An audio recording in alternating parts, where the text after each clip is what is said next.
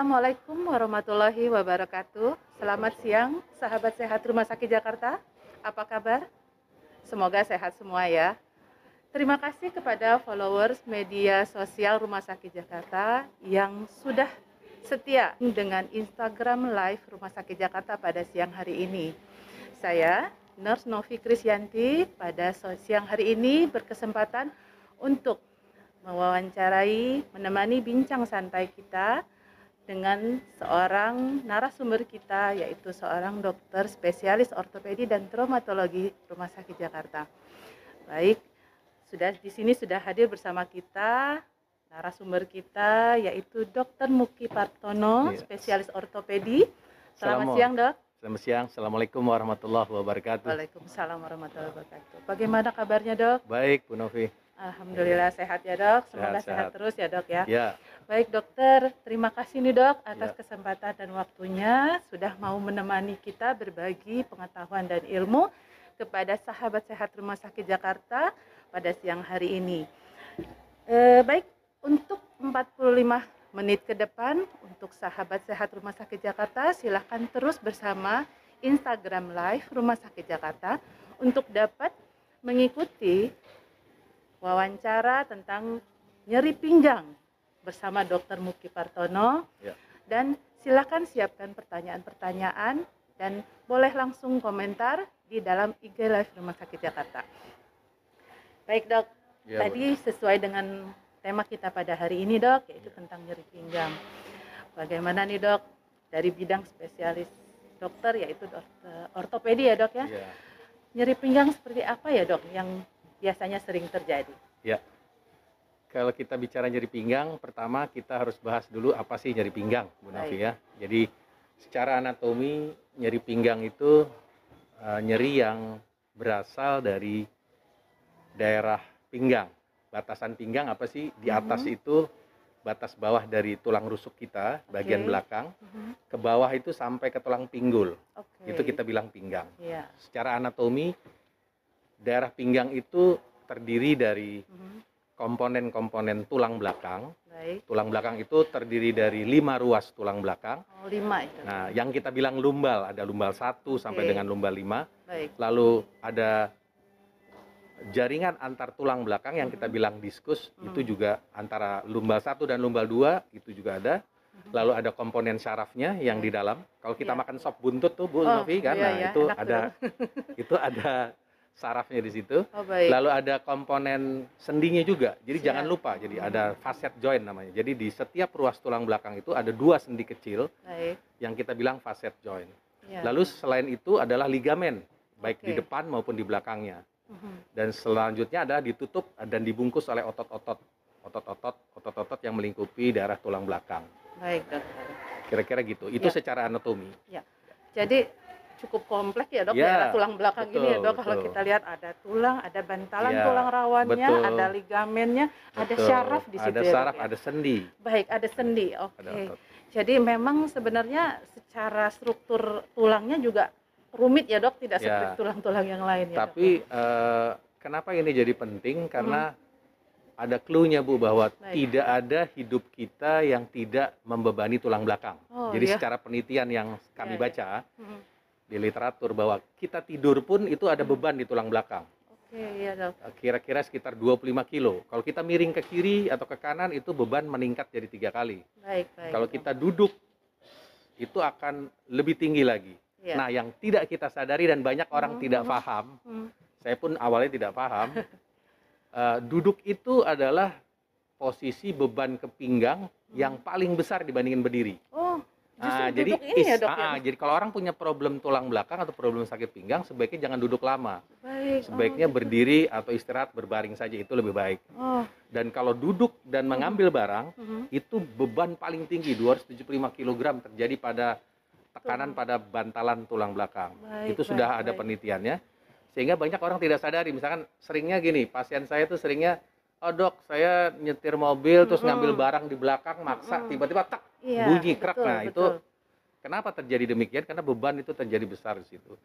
Dan uh, nyeri tulang belakang itu tidak hanya berasal dari komponen tulang belakang yang saya iya, sebutkan iya, tadi iya, betul, tapi bisa juga dari organ-organ lain. Misalkan organ visceral, organ-organ dalam ya, Oke. seperti dari lambung mungkin Mhm, bisa, dari usus besar biasanya, Iya dok. atau dari ginjal, Iya. atau bisa juga berasal dari pada wanita itu genitalia interna, Oke. pada rahim bisa berasal, kelainan pada tuba, pada ovarium itu bisa juga menyebabkan nyeri peraga. Pernah saya jumpai kasus ada tumor di Hmm. daerah pelvis, di daerah panggul itu juga bisa menyebabkan nyeri tulang belakang.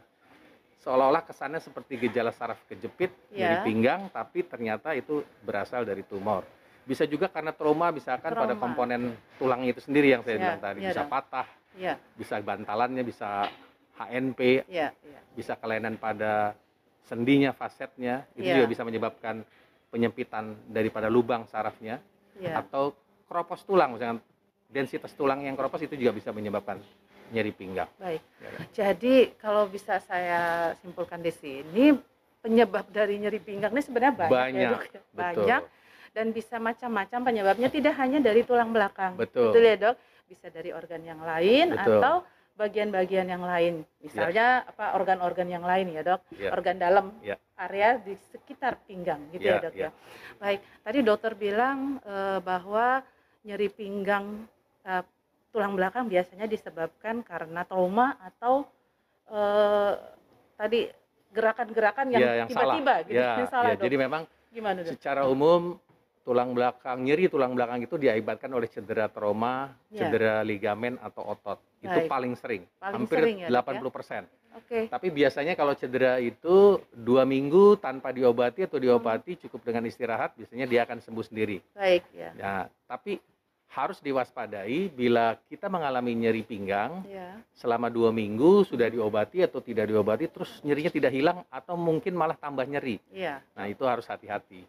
Ya. Jadi sebaiknya uh, berobatlah ke dokter. Baik. Apalagi kadang-kadang nyeri pinggang yang disertai penjalaran nyeri, sakit ke Penjalaran kaki nyeri, uh, oke, atau oke. ke punggung itu bisa sering terjadi atau sering saya alami di di praktek saya. Jadi Ya.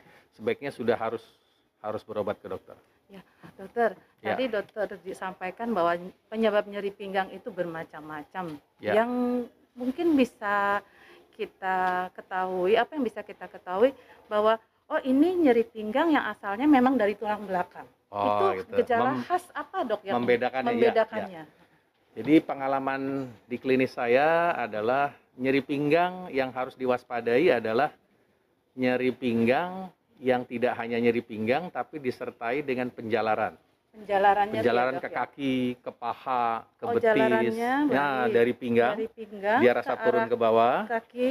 ke kaki, ke ke belakang paha, paha, ke belakang betis paha, oke. atau ke samping betis sampai Oke. ke telapak kaki Oh, atau ke jari kelingking atau ke jempol kaki. baik. Jadi itu khususan Itu khusus. atau khas Nah, banget ya pada nyeri nah, pinggang itu tulang belakang ya dok? Itu biasanya Mhm. disebabkan oleh gejala saraf kejepit yang kita Oke. bilang bisa karena HNP, biasanya Aha. pada usia-usia muda, bisa juga karena spinal stenosis atau Baik. Eh, kelainan di mana eh, lubang sarafnya atau eh, sudah mulai menyempit karena proses degenerasi, proses penuaan. Baik. Nah. Jadi memang orang awam nih biasanya nye- nyebutnya Ya. saraf kejepit ya dok ya. Ya, Istilah penyakit ini saraf kejepit katanya. betul. Tapi mm, yang terjadi pada area tulang belakang Ya. ya dok. Oke, baik dokter seru sekali ya dok yang bincang kita ini ya dok. Nah dokter terkait dengan eh, faktor usia nih pada pada usia yang berapa nih dok yang kira-kira sangat rentan atau beresiko Ya. terjadinya nyeri tulang belakang? nyeri tulang belakang itu biasanya sering muncul pada usia-usia produktif ya, Produktif. 20 sampai 40 tahun. Mhm. tapi eh, bukan berarti di bawah itu juga bisa terjadi tapi saya pernah alami 12 tahun pun saya pernah dapati kasus di mana eh, terjadi nyeri pinggang yang saya Oke. sebut tadi nyeri Iya, pinggang iya. dengan menjalar ke sampai ke kaki Mhm. dan ternyata betul ada kelainan bantalan Iya. yang menekan saraf yang kita bilang HNP hernia Oke. nucleus pulposus Iya. harusnya sih belum terjadi pada usia 12 tahun Mestinya tapi ya, Dok, ya. kenyataannya terjadi kenapa kalau ditelusuri lagi Mhm. ternyata pernah jatuh Oke. trauma mungkin Mhm. tulangnya nggak apa-apa tapi bantalannya mengalami kerusakan Mengalami sehingga kerusakan. seiring dengan perjalanan waktu bantalannya pun mengalami kerusakan dan akhirnya menonjol dan menekan saraf Jadi proses tonjolan itu yang menekan saraf yang Ya. menyebabkan terjadinya nyeri ya dok? nyeri Nyeri Bisa. pada tulang belakang. Oke dokter terkait dengan tadi dokter bilang pada posisi duduk, pada posisi uh, ini malah justru Membungkuk. bebannya be- berat Besar, nih di ya, pinggang gitu. pada bantalan. Ya, jadi berarti kalau kita uh, duduk yang seperti apa atau posisi yang seperti apa yang sebaiknya kita harus jaga untuk menghindarinya, Dok? Jadi duduk yang baik itu adalah seharusnya posisi lutut itu Oke. lebih tinggi daripada panggul. Oh. Jadi kalau bisa diganjal dengan dingklik kira-kira Mhm. 10 sampai 12 cm pakai dingklik Oke. atau kita duduk seperti kelayaknya duduk perempuan Duduk diangkat perempuan. satu ke atas ke atas gini. Oh, gitu. Jadi ini lebih tinggi. Kalau udah bosen capek ganti. ganti. Oke. Makanya itu kita kalau dalam posisi menyetir pun itu nggak nyaman sebenarnya buat pinggang. sebenarnya tidak bagus ya, Tidak ya? nyaman. Mau mobilnya sehebat apa pun, sebagus apa pun, semahal apa pun, Baik, biasanya apalagi kalau nyetirnya sudah jalan jauh. Iya, Menurut Dok. penelitian kalau kita melakukan perjalanan jauh dengan kendaraan mobil sebaiknya 4 jam itu sudah harus istirahat. sudah harus istirahat Karena kalau udah lebih dari 4 jam pasti akan jadi masalah. Oke, beban Makanya di sini ya. lebih eh, Ya. lebih lama ya, Dok. Dan ya. istirahatnya bukan duduk lagi. Oke. Jadi kalau ke rest area itu istirahatnya cari space yang cukup Mhm. terus kita rebahan. rebahan. 5 sampai 10 harus menit. posisinya seperti apa, Dok? Telentang rebahan? aja. Terlentang, lurus ya, Dok. Ya, ya? betul. Oke, Itu adalah istirahat yang benar-benar bagus buat tulang belakang. Baik, Dokter. Ya. Dokter, mungkin tadi kalau kita sudah bicara apa gejala dan mungkin bagaimana sih, Dok, yang dokter ketahui kalau misal kita sudah mengalami nyeri pinggang ini sebaiknya kita apa yang harus kita lakukan ya? Ya, seperti tadi saya kemukakan di muka bahwa waspadai nyeri pinggang Mhm. yang disertai tidak hanya nyeri pinggang, Oke. nyeri menjalar ke kaki sampai ke ujung kaki jari-jari bisa, Baik. disertai panas, Mhm. nyeri, kesemutan. Ya. Nah, itu sudah harus waspadai, sebaiknya berobat ke dokter. Oke. Biasanya kita dokter akan melakukan pemeriksaan. Kalau kita yakinkan itu gejalanya ada, Mhm. kita lakukan pemeriksaan X-ray dulu pada Baik. awalnya. Kita pastikan dulu ada kelainan pada tulang tidak. Oke. Kalau tidak kita temukan kelainan pada tulang, X-ray Mhm. normal, lalu kita Mhm. lanjutkan dengan pemeriksaan MRI. Oke. Nah, kita di Rumah Sakit Jakarta semua sudah ada itu. sudah ada Jadi ya, ah, lengkap sudah ya. sudah lengkap. Oke. Jadi tinggal datang aja, Mhm. kita periksakan. Nah, setelah dari hasil MRI, setelah kita dapatkan pemeriksaan MRI, Baik, baik. baru kita evaluasi kembali. Oke. Nah, umumnya pasien yang datang ke saya Ya. yang seringnya adalah eh, nyeri pinggang yang diakibatkan oleh eh, kelainan pada bantalan. Oke. Jadi, bantalan HNP yang kita bilang hernia ya? nucleus pulposus. Oh, HNP baik baik. ya, hernia nucleus pulposus Oke. itu sering terjadi. Ya. Nah, itu nanti dari hasil MRI kita bisa tahu oh HNP. Gradingnya gimana? Karena Hmm. HNP itu Tingkatannya ya, Dok. eh, ada gradingnya. 1 2 3 4. Oh, nah, oke, biasanya iya. kalau satu itu cincinnya masih utuh, cuma ada penonjolan. Oke. Yang grade kedua cincinnya Sudah masih mulai sudah mulai ada penipisan terus penonjolannya lebih besar. baik. Grade baik. ketiga cincinnya sudah pecah. Oh, pecah. Ah, ah, cincinnya sudah pecah sehingga material intinya sudah keluar, Keluar tapi masih berhubungan dan masih utuh. Oke. Nah, yang keempat itu sudah sekuestrasi namanya. Jadi isi bantalan itu sudah keluar dan masuk ke dalam Mas- kanal spinalis ke dalam lubang saraf. Nah, Ya. itu yang sudah cukup parah biasanya. Nah, Kira-kira gitu. ngeri juga ya, Dok Iya, ya. iya Jadi betul. jadi sebenarnya keluhan nyeri pinggang ini memang eh, sa- apa sahabat sehat rumah sakit Jakarta jangan sampai dianggap remeh ya, Dok Sepele, ya. betul. Karena ini kita bicaranya kaitannya dengan saraf tulang belakang. Betul ya, Dok? ya? Apalagi pada kasus-kasus yang usia tua. Oh, usia tua baik. Jadi memang pada kasus usia, tua juga bisa terjadi penjepitan saraf, tapi Oke. Umumnya sih disebabkan karena lubang saraf yang menyempit secara eh, proses degenerasi, secara proses penuaan, Iya. sehingga eh, eh, menyebabkan gangguan pada pada saraf itu sendiri. Iya, iya. Nah dampaknya itu eh, kalau pada orang tua yang kita takutkan, misalkan ada komorbid kelainan eh, diabetes, sehingga terjadi mikroangiopati Hmm. pada dasarnya, sehingga kalau saraf itu kejepitnya sudah terlalu lama, Oke. dia biasanya fungsinya tidak akan kembali. Oh, gitu. Ya, makanya itu sebaiknya Bisa sampai terjadi kelumpuhan. kelumpuhan, Oh, iya, kelumpuhan yang iya. permanen. Oke, kelumpuhan yang permanen. Kelumpuhan tuh jangan diartikan bahwa pasien itu pasti nggak bisa jalan, tidak. Iya, iya. Karena secara medis itu kelumpuhan kita bagi lagi. Oh, Jadi orang masih bisa jalan pun kita bisa bilang lumpuh, karena kan motorik kita kekuatannya ada oh, ada sampai 5. Betul. Kalau kita bisa melawan gravitasi, kita bisa jalan itu rata-rata di atas tiga kekuatannya. Oke. Tapi kalau satu dua itu orang pasti udah pakai kursi roda dan Oh. tidak bisa jalan jauh. Tapi kalau empat juga kekuatannya empat kita bilang sudah alik- sudah ada kelumpuhan sebagian, Ya, walaupun ya. pasiennya bisa jalan. Misalkan hmm. saraf uh, saraf salah satu saraf yang kejepit dia tidak bisa menjinjit, okay. tapi dia bisa jalan. Masih bisa jalan. Nah, jadi ada kelumpuhan di, sar, di salah satu posisi otot tertentu yang dia saja tidak yang bisa. tidak bisa. Oh, baik. Nah, itu secara medis sudah kita bilang mm -hmm. sudah ada kelumpuhan. Oke, okay. ya. ya. Jadi memang eh, hati-hati pada penyakit nyeri tulang belakang ini supaya kita tetap waspada ya dok ya, ya. jangan betul. sampai jadi komplikasi yang lebih berat lagi. Ya begitu ya dokter ya. E, baik sahabat sehat Rumah Sakit Jakarta, e, menarik sekali bincang kita pada siang hari ini. Tetap ikuti di IG Live Rumah Sakit Jakarta dan siapkan pertanyaan untuk nanti bisa kita tanyakan dengan narasumber kita langsung dijawab oleh narasumber kita. Oke, dokter, tadi yeah. terkait dengan masa pandemi ini nih dok, yeah. bagaimana uh, kan orang-orang nih kadang-kadang takut tidak untuk berobat ke rumah sakit ya dok yeah, ya. Yeah. Nah, bagaimana uh, yang dokter ketahui uh, rumah sakit Jakarta nih yeah, dok, rumah penanganannya sakit. terhadap pencegahan yeah, ya. pandemi yeah. ini dokter? Ya, rumah sakit Jakarta kita sudah melakukan prosedur standar untuk pencegahan COVID. Baik. Di depan kita lakukan screening okay. dengan pemeriksaan suhu tubuh, hmm. dengan hand sanitizer, pakai masker, ya. lalu dicek dengan jaga social distancing juga. Okay. Dan yang paling penting mungkin uh, kita sudah malah sebelum COVID ini berlangsung, Baik. Uh, perawatan kami di ortopedi itu dihususkan sendiri okay. dipisahkan dari pasien-pasien yang lain. Oh, jadi ada unit khusus ya, kita ada di lantai 4 itu oh, khusus. Baik, baik. Jadi namanya ruang nggak usah khawatir BOC BOC. BOC. Nah, oke ya. oke.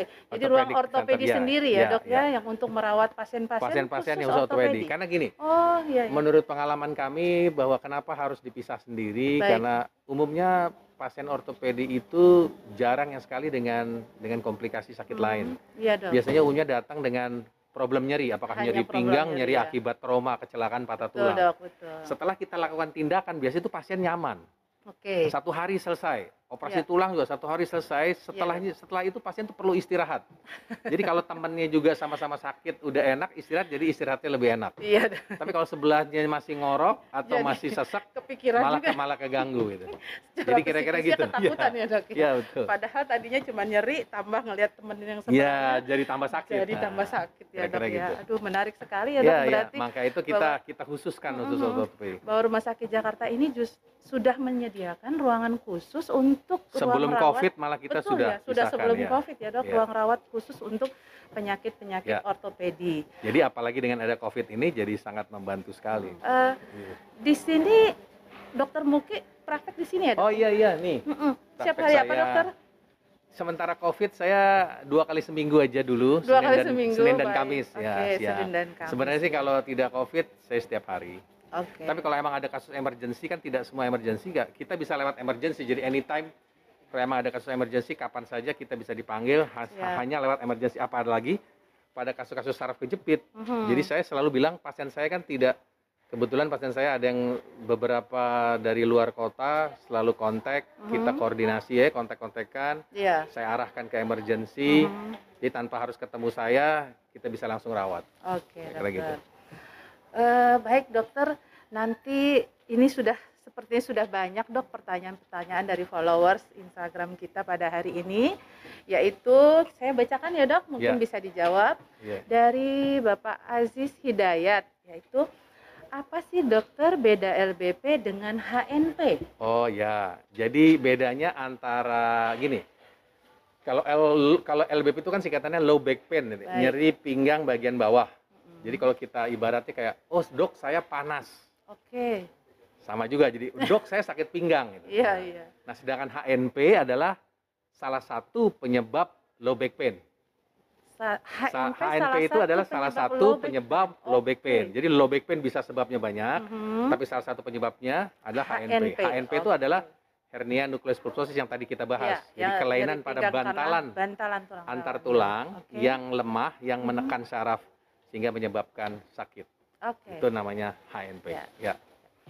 Uh, ada berikutnya pertanyaan dari Aini Bafadal yaitu nyeri pinggang yang disertai dengan kesemutan di kaki. Apakah itu sebuah iya, gejala HNP, Dok? Bisa, bisa. Okay. Tapi umumnya HNP, tapi bisa juga kesemutan itu bisa akibat kelainan pada darah. Oh, Kita iya. bisa bedakan itu bahwa kelainan pada pembuluh darah itu Mhm. biasanya kalau kadang-kadang suka disertai kesemutan dan nyeri, Iya, Dok. tapi bedanya ada tidak disertai dengan nyeri pinggang, hanya Oke. nyeri kaki saja. Iya, Tapi kalau HNP bisa disertai dengan nyeri pinggang. baik. Dan pada saat proses berhenti, Mhm. misalkan kita habis aktivitas nyeri terus kita berhenti, kalau Iya. HNP itu biasanya langsung hilang. HNP kalau langsung ah, hilang nyeri akibat nyerinya. kelainan vaskuler atau pembuluh Oke. darah itu biasanya dia tunggu beberapa saat baru Lebih keluhan lama. kesemutannya hilang. Oh, Nah, baik. kira-kira baik. gitu. Jadi tadi mungkin disebut HNP kalau jalanan nyeri juga tuh ya Ya tadi. bisa, Ada jadi gejala nyeri ya, Dok, bisa ya? nyeri ya. Oke. Selanjutnya nih pertanyaan dari Ibu aduh, kriuksium. Aduh, namanya unik nih, Dok ya. Untuk membedakan nyeri pinggang karena syaraf dengan nyeri pinggang karena, Karena organ masalah dalam. organ yang lain. Ya itu tadi. Iya. Jadi kalau secara secara klinis kadang-kadang kalau kasusnya sudah lanjut Mhm. sulit membedakan apalagi Iya, misalkan iya. kasus yang kelainan di organ dalam yang mengenai yang men- menekan saraf kadang-kadang suka overlap juga. Nah, biasanya saya punya patokan begini.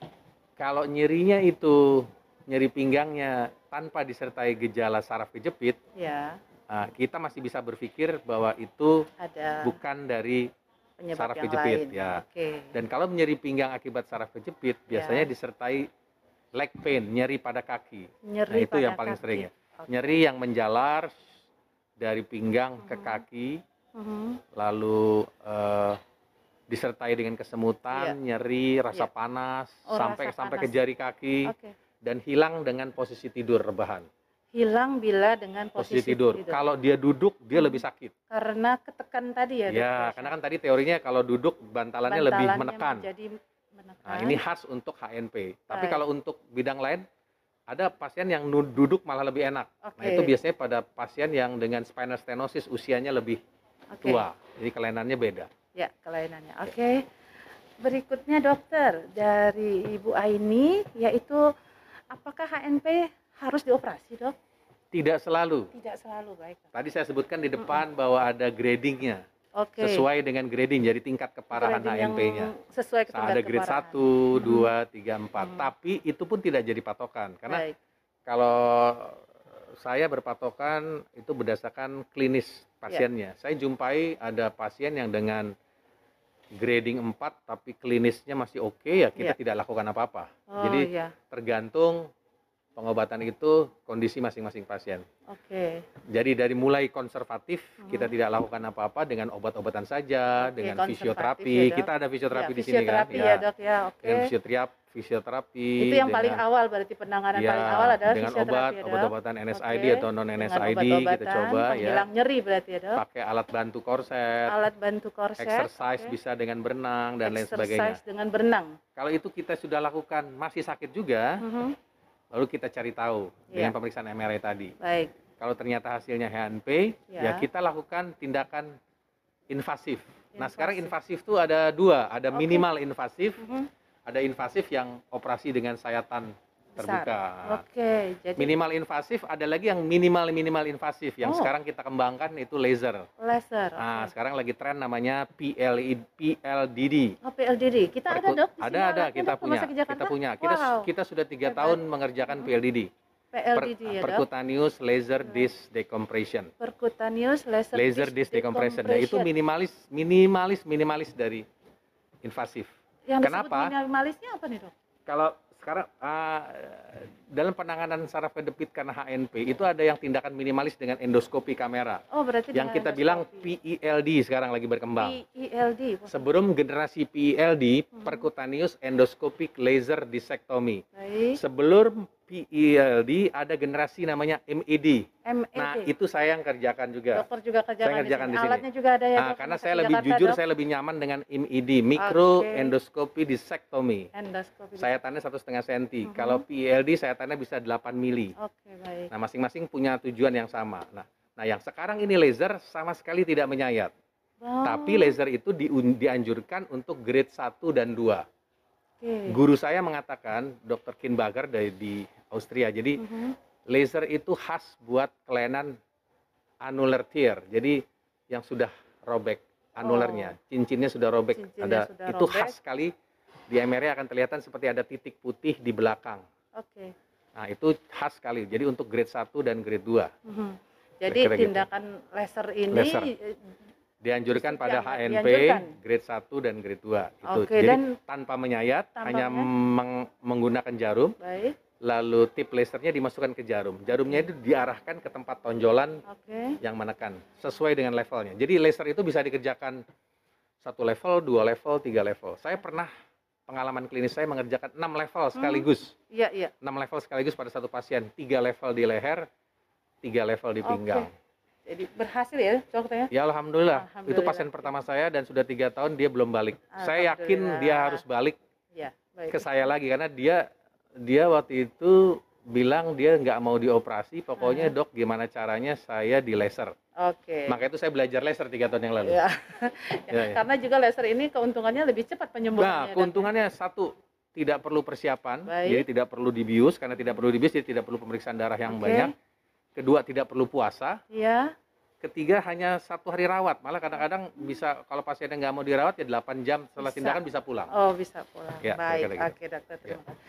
Eh, ini ada pertanyaan lagi kita lanjutkan ya, Dok, dari Kusklar, yaitu kalau sudah kena HNP lalu takut operasi, apakah bisa sembuh dengan cara lain?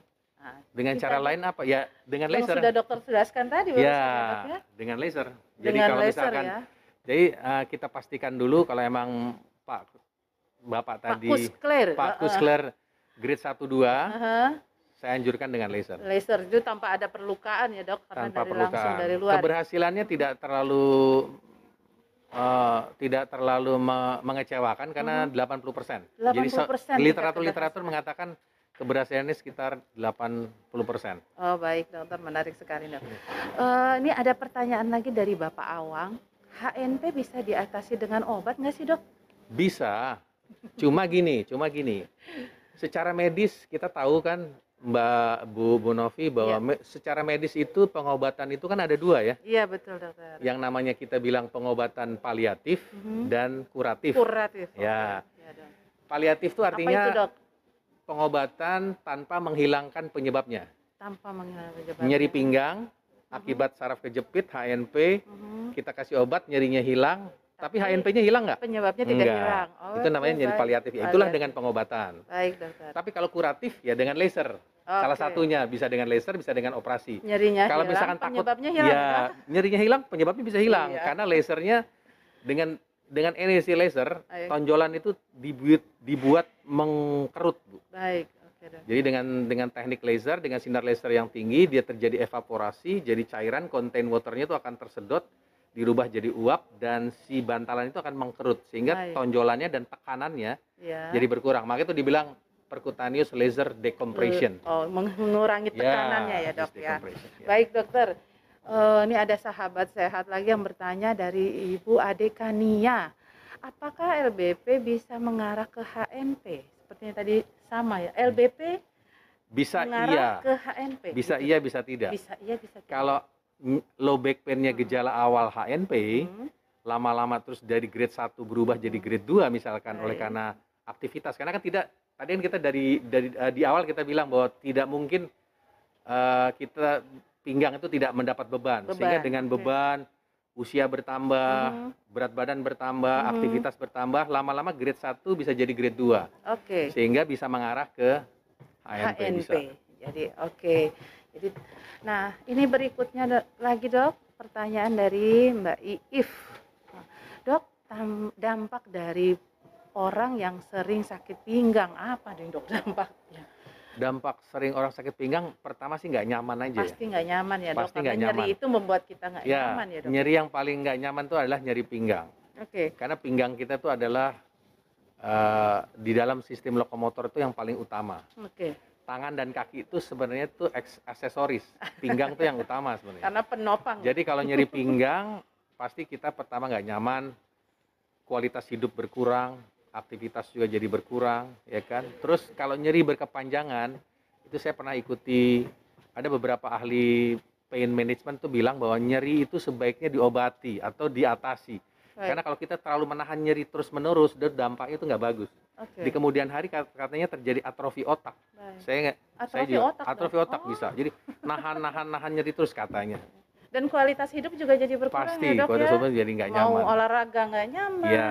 Mau jalan jauh nggak nyaman gitu ya, ya dok ya. ya. Baik.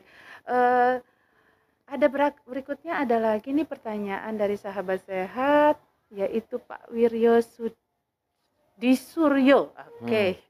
Bahaya nggak sih dok kalau nyeri pinggang itu dipijit? Nah ini dok. Nah, kalau kan nyeri kalau pinggangnya pinggang akibat cedera, kalau nyeri pinggangnya akibat cedera otot ya. jangan dipijit. Oh jangan dipijit. Makin oh. dipijit, makin tambah bengkak, makin tambah sakit. Karena tadi ya dok ada nah, syaraf yang menonjol. Saran saya sih sebaiknya kalau emang terjadi nyeri pinggang jangan lakukan pemijitan karena jangan kita lakukan karena kita tidak tahu. Uh-huh. Nah, Anda kalau misalkan oh dok saya pas dipijit lebih baik ya Anda beruntung. Baik. Kalau lagi nggak beruntung pasti lebih sakit. Pengalaman pasien-pasien saya begitu. Jadi saran saya sih kalau lagi pas lagi serangan nyeri pinggang, ya. sebaiknya istirahat aja berbaring, baik. minum obat nyeri yang okay. ada dari warung cukup, istirahat benar-benar istirahatkan dan langsung mungkin periksa ke dokter ya dok ya, ya? karena kalau misalkan khawatir ya sebaiknya iya, periksa karena ke dokter. apabila tambah nyeri itu tadi ya komplikasinya iya. juga banyak ya dok apalagi sampai nggak bisa jalan gitu. betul nah, jadi sebaiknya udah lebih baiknya segera ya. periksa ke dokter ya dok ya, ya. Oke dan jangan dipijit ingat sahabat sehat. Oke, selanjutnya kita akan bacakan pertanyaan dari Ibu Fariza Hami, yaitu saya sudah kena LBP nih dok. Nah, Kira-kira menurut dokter aman nggak sih bila saya bersepeda? Kalau dok? tanya pendapat saya, saya tidak anjurkan untuk bersepeda. Oh, tidak boleh dok? Karena justru tidak bersepeda anjurkan. itu pantang buat orang HNP, orang orang sakit pinggang, oh, sorry, baik, orang baik, low back pain. Orang... Karena kan tadi posisi duduk mhm. -huh. dan membungkuk okay. itu adalah beban lebih besar pada bantalan. Okay. Jadi kalau dia ada masalah low back pain misalkan karena HNP, uh mhm. -huh. pasti nggak nyaman. Jadi lebih baik nggak usah ya dok? Ya? Saran ya? saya kan masih banyak olahraga yang lain. Gitu. Apa dok? Berenang. Oke. Okay. Yoga, pilates. Uh -huh. Itu tiga yang dianjurkan untuk orang yang punya low back pain, ya. masalah low back pain. Jadi sahabat sehat, Rumah Sakit Jakarta, tadi dokter Muki sampaikan, jadi olahraga yang baik untuk orang yang menderita nyeri pinggang, pinggang ya.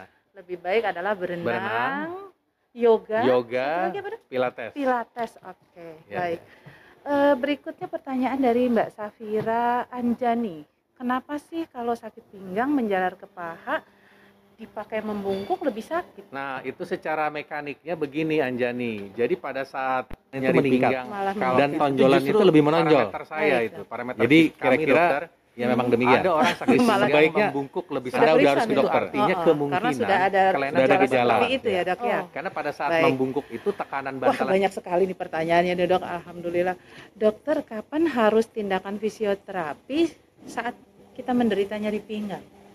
fisioterapi kalau Anda belum misalkan fisioterapi yang saya, saya kemukakan di muka, fisioterapi dilakukan misalkan pada kasus-kasus di mana nyerinya belum terlalu hebat atau Anda sudah ketahuan ada problem saraf kejepit mm-hmm. atau problem uh, kelainan pada uh, lubang saraf yang menyempit, tapi ya. Anda belum siap untuk dilakukan operasi, ya Anda silahkan untuk lakukan fisioterapi. Fisioterapi dulu ya Atau dok, pada kasus-kasus yang masih ringan, ya. bisa lakukan fisioterapi. Karena fisioterapi kan prinsipnya kata uh, mengobati dengan terapi terapi fisik kan, fisik. baik menggunakan panas, listrik, ya. dingin, dan physical treatment itu kembali kepada untuk mengurangi gejala ya. nyerinya ya, ya dok ya. ya. Tapi penyebabnya gimana dok? Penyebabnya kita cari tahu lagi. Akan dicari. Tapi kalau karena umumnya penyebab nyeri yang tadi saya kemukakan bahwa ada cedera otot dan hmm. ligamen, biasanya kalau karena itu sebabnya, ya. dia akan sembuh. Ya. ya daripada tadi dipijit itu ya, ya dok ya, ya, lebih baik di fisioterapi ya dok ya. ya. ya. Oke. Uh, selanjutnya pertanyaan dari Ibu Hatmalia bagaimana posisi saat mengangkat barang yang baik sehingga kita bisa terhindar dari nyeri pinggang. Jangan bagaimana? membungkuk. Oke, jangan Jadi sebaiknya kalau barang ada di bawah jangan membungkuk. Dok, posisinya Jadi posisinya baik berdiri terus langsung tetap uh mhm. -huh. tetap rata lurus. Uh mhm. -huh lalu jongkok hmm. baru ambil barang. Berarti tumpuannya di kaki ya dok? Tumpuannya di kaki. Bukan di pinggang. Jadi jangan, jangan di pinggang, membungkuk. jangan membungkuk. Karena kalau di membungkuk tumpuannya akan ada di pinggang. Jadi ya? kalau misalkan ibu-ibu nih lagi musim pandemik, ya iya. termasuk saya juga ya di rumah banyak kerjaan juga banyak kerjaan rumah. Jadi sebaiknya posisi menyapu, posisi mengepel itu dalam posisi lurus. Jadi kalau bisa gagang lurus. sapunya okay. tinggi. Baik, baik. Kayak kayak petugas kebersihan di jalan tuh. ada Jadi ada pakai stick yang tinggi yang sehingga jangan itu. membungkuk. Pokoknya prinsipnya Baik. hindari membungkuk. Oke. Seminimal ya. mungkin hindari membungkuk. Jadi menghindari gerakan apa, membungkuk. gerakan pada tulang belakang di ya, bagian ya, pinggang ya, ya Dok. Ya. Oke. Nah, ini ada juga dari Dokter Desi ya. Olahraga apa, Dok, yang nyaman untuk sakit HNP pada usia lanjut? Yang saya bilang tadi. Sama berenang. Ya? Berenang. Kalau ibu yang usia, lanjut nggak bisa dok? berenang, hmm. nggak apa-apa. Kalau nggak bisa berenang, cukup jalan di dalam air. Oh, jalan di Atau dalam air. olahraganya oh, dalam air. Itu sudah Baik. cukup dan biasanya sekarang ada di Jakarta tuh dikembangkan namanya hidroterapi ya. Hidroterapi. Nah, jadi airnya tuh pakai air hangat. Jadi oh. kolamnya itu hangat. Jadi buat orang-orang tua tuh lebih nyaman lagi. Iya, iya. Pasti iya. nyeri pinggangnya akan hilang. Ya. Kenapa bisa, uh, dengan jalan di air ini bisa mengurangi nyeri pinggangnya nih dok? Ya dengan dilatih begitu kan karena jalan dalam air itu uh, beban tidak terjadi kan. Oh, Hukum lebih ringan ya dok ya. ya. Baik, baik. Beban tidak terjadi sehingga pasien bisa berjalan, berjalan aktivitas ototnya jadi terlatih, ototnya karena pinggang itu juga ditopang oleh otot. Jadi kalau ototnya jadi makin baik, mm-hmm. otomatis nyeri pinggang juga jadi berkurang. Juga berkurang, baik. Oke. Okay. Masih ada lagi nih dok, pertanyaan dari Ibu Fuli Amalia. Apakah kemungkinan nyeri pada tulang belakang ini bisa menjalar ke dada. Dada. Bisa. Bisa ya, Dok. Kan mm-hmm. nyeri tulang belakang kalau kita uh, secara anatomi tulang okay. belakang itu terdiri dari leher, Oh baik dari punggung leher, dan pinggang. Sampai ke pinggang. Nah jadi kalau dada itu daerah daerah torakal namanya, daerah daerah punggung. Punggung. Jadi kalau ada kelainan saraf kejepit di situ, apakah mm -hmm. satu sebab lah? Pokoknya kelainan di daerah torakal itu nyerinya bisa sampai ke dada depan. Oke. Okay. Ke dada sebelah kiri atau dada sebelah kanan itu okay. bisa terjadi. Jadi memang karena tadi tulang tulang belakang kita ini kan panjang ya dok ya. ya Jadi ya. bila terkenanya di bagian dada belakang punggung gitu, nah itu bisa, bisa menjalar ke dada gitu ya dok. Juga masalah dari leher. Masalah Biasanya dari leher. Ah, ada oh. ada problem kelainan saraf kejepit di leher, mm -hmm. itu bisa nyeri dadanya di bagian depan di otot pectoralis namanya pectoralis. Nah, itu biasanya pada level-level leher yang di bawah tuh di C56 atau C6 tuh di C56 biasanya. Dan C56 itu biasanya sakitnya suka di daerah sini. Jadi jalan Kadang-kadang orang suka nggak ngeh ya nyangkanya dok saya nyeri dada dok, iya. tapi ternyata asalnya dari leher. Jadi jalanan nyerinya ini bisa uh, terjadi tergantung dengan area Lokasinya. tulang belakang yang terkena ya dok. Nah, jadi dada itu bisa berasal dari leher. Ya dari problem bisa dari... juga belajar dari problem di punggung, punggung. daerah torakal. Oke. Okay. Uh, untuk selanjutnya ada pertanyaan dari Mbak Harumi. Pemakaian yeah. korset pinggang bisa digunakan berapa lama, Dok? Penggunaan korset tergantung kebutuhan ya. Okay. Kalau pada kasus patah tulang karena kropos, hmm. biasanya saya anjurkan 6 sampai 8 bulan. Yeah. Tapi kalau karena saraf kejepit, biasanya kita anjurkan 6 sampai 8 minggu. Oke. Okay habis melakukan tindakan laser pun biasanya kita anjurkan pakai korset dulu untuk yeah. mengurangi gerakan berlebihan. Itu biasanya ya, 6 8 minggu. 6 sampai 8 nah. minggu. Oke, jadi patokan pengguna... saya saya saya punya patokan yang sederhana. Kalau nyeri pinggang pakai korset lebih enak, Anda pakai korset. Oh gitu. Suatu saat Anda ngerasa lebih tidak nyaman, berarti Anda sudah lepas. waktunya buka lepas. Oh, lepas gitu. Korset. Jadi patokannya dari Patokannya kenyamanan kita gitu aja yang ya, kita ya. rasakan ya dok ya. Baik, untuk selanjutnya ada pertanyaan dari Ibu Vera. Dok, apakah nyeri tulang ekor bisa mengarah ke HNP? Lalu tulang ekor saya sering sakit dan terasa panas bila duduk lama, dok. Jawabannya bisa iya, bisa tidak. Hmm. Jadi tergantung kelainannya. Jadi nanti kita dengan pemeriksaan MRI dan dibantu sama EMG mungkin kita bisa bisa juga kalau misalkan itu normal ya berarti kelainan itu bisa berasal dari daerah tulang ekor sendiri. Oke, jadi gitu. perlu dilakukan pemeriksaan lebih lanjut, lebih lanjut ya dok, untuk, supaya kita tahu apa sih ya. penyebabnya ya, gitu ya dok ya.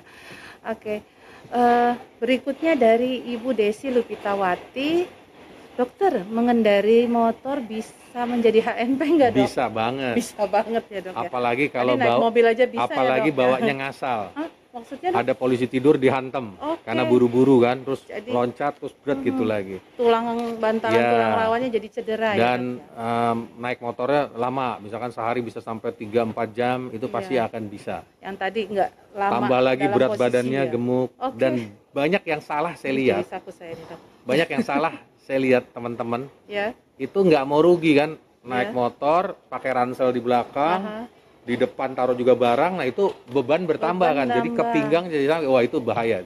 Oh, iya, Sebaiknya iya, itu dok. barangnya ditaruh atau mendingan pakai motornya di belakang pakai tempat barang Iya, iya. atau barangnya taruh. Jadi jangan pakai ransel lagi. Memang sebenarnya sih pengen simple, tapi itu nggak nyam, itu nggak bagus buat bagus. pinggang. Oke, iya dok. Jadi paling tidak meng- harus lebih mengurangi beban Ya, di pinggang betul, ya dok ya. betul. Oke. Nah selanjutnya juga ada pertanyaan dari Bapak Mas Tono. Pinggang nyeri saat ada beban, saat main badminton tidak sakit. Apa badminton itu menjadi salah satu olahraga yang bisa dianjut, dianjurkan? Kalau Bapak pakai bulu tangkis lebih enak ya lanjutkan aja. Berarti nyeri pinggang Bapak itu karena kekakuan otot saja. Oh baik. itu ya. bukan masalah-masalah yang serius. Oke. Tapi hati-hati kalau misalkan sudah menjalar ke kaki. Baik baik. Nah, itu sebaiknya diperiksakan ke dokter. Oke, baik dokter. Mungkin sudah banyak dari pertanyaan dari sahabat sehat Rumah Sakit Jakarta. Bila nanti masih ada pertanyaan, silahkan ajukan pertanyaan dan nanti akan dijawab oleh tim kami. Dan eh, untuk pertanyaan terakhir nih dok, kira-kira menurut dokter apa sih tips eh, supaya pasien-pasien kita ini tidak mengalami nyeri pinggang dan kalau misalnya sudah mengalami nyeri pinggang, pinggang nih apa yang harus Ya. dilakukan? Tipsnya adalah eh, sebaiknya eh, posisi tidur yang baik. Posisi. Gunakan posisi, alas yang keras. Jadi posisi sekarang tuh lagi dan tren posisi tidur Ya. kali ya dok ya. Gunakan alas keras di mana sekarang lagi tren Mhm. eh, tempat tidur tuh yang full latex yang keras, bukan Full yang lunak. Oh justru nggak boleh yang Ya. lunak ya dok? Oke. Dan kalau terus? sudah nyeri lebih dari dua minggu, Mhm. jangan ditunda. Sebaiknya konsultasikan ke dokter. baik. Aman kok ya. sekarang. Oke, jadi aman ya sekarang Ya, ya dok, ya. khususnya Rumah Sakit Jakarta Ya, yang sudah saya lihat protokol pencegahan COVID-nya sudah berjalan Ya, ya dok ya, ya. Apa benar. aja tadi dok? Sudah dilakukan screening, ya. kemudian sudah semua pakai hand masker ya, pakai ya? masker.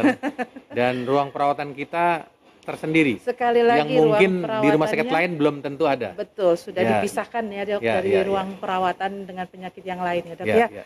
Baik dokter.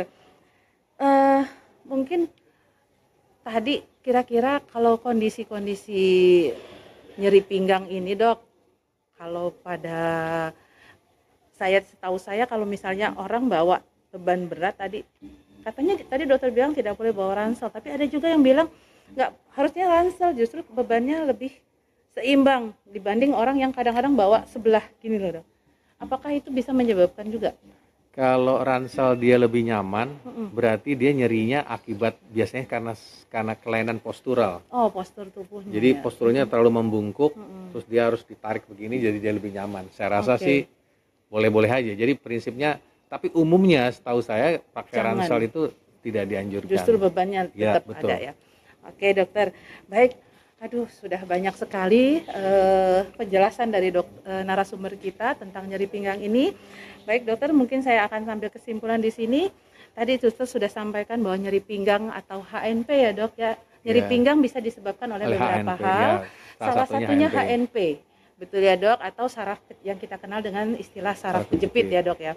Dan kemudian gejala yang mungkin timbul adalah biasanya karena penekanan pada bantalan tulang rawan, terjadinya tonjolan Ya. sehingga menekan saraf, saraf. yang ada di situ. Ya, Betul ya dok? betul. Biasanya disertai gejala jalaran nyeri, Nyeri sampai pinggang ke dan menjalar sampai ke kaki, Nyeri disertai pinggang, rasa panas kesemutan. panas dan kesemutan. Ya. Baik. Lalu kemudian penanganan daripada nyeri pinggang ini khususnya yang untuk HNP ya dok Ya, adalah banyak ya. Salah satunya ada tindakan fisioterapi. fisioterapi, Kemudian tadi tindakan, tindakan laser. laser. Sekarang lagi tren laser. PLDD tadi ya, dok ya. PLDD, ya. Eh, itu lebih lebih eh, tidak invasif dan lebih cepat sembuh ya dok ya, Ya. karena tidak terjadi perlukaan. gitu ya, Dok, Perlukaan. ya. Oke. Nah, Tidak perlu pembiusan mhm. dan juga tidak perlu puasa. Tidak perlu pembiusan dan tidak perlu puasa. Nah, yang terakhir mungkin jangan tunda berobat bila sakit dan kemudian carilah rumah sakit yang aman yang selalu menjalankan protokol COVID-19 yang dengan baik Dan, perawatannya tersendiri dan ruang perawatan yang memang dikhususkan untuk ya, ya. tidak dicampur-campur dengan penyakit infeksi yang Ya, lain ya, tentunya ya. ya dok ya. Baik, eh, kalau begitu sahabat sehat Rumah Sakit Jakarta, terima kasih sudah bersama kita dalam bincang santai ini. Yeah. Dan mohon maaf apabila ada kekurangan dari kami. Dan jangan lupa terus saksikan atau terus ikuti IG Live Rumah Sakit Jakarta minggu depan. Pastinya dengan topik-topik yang lebih menarik lagi. Dan saya ucapkan saya uh, Novi Krisyanti dan Dr. Muki, Muki Patono mohon pamit dan saya ucapkan Assalamualaikum warahmatullahi wabarakatuh. Selamat siang, salam sehat. Salam sehat.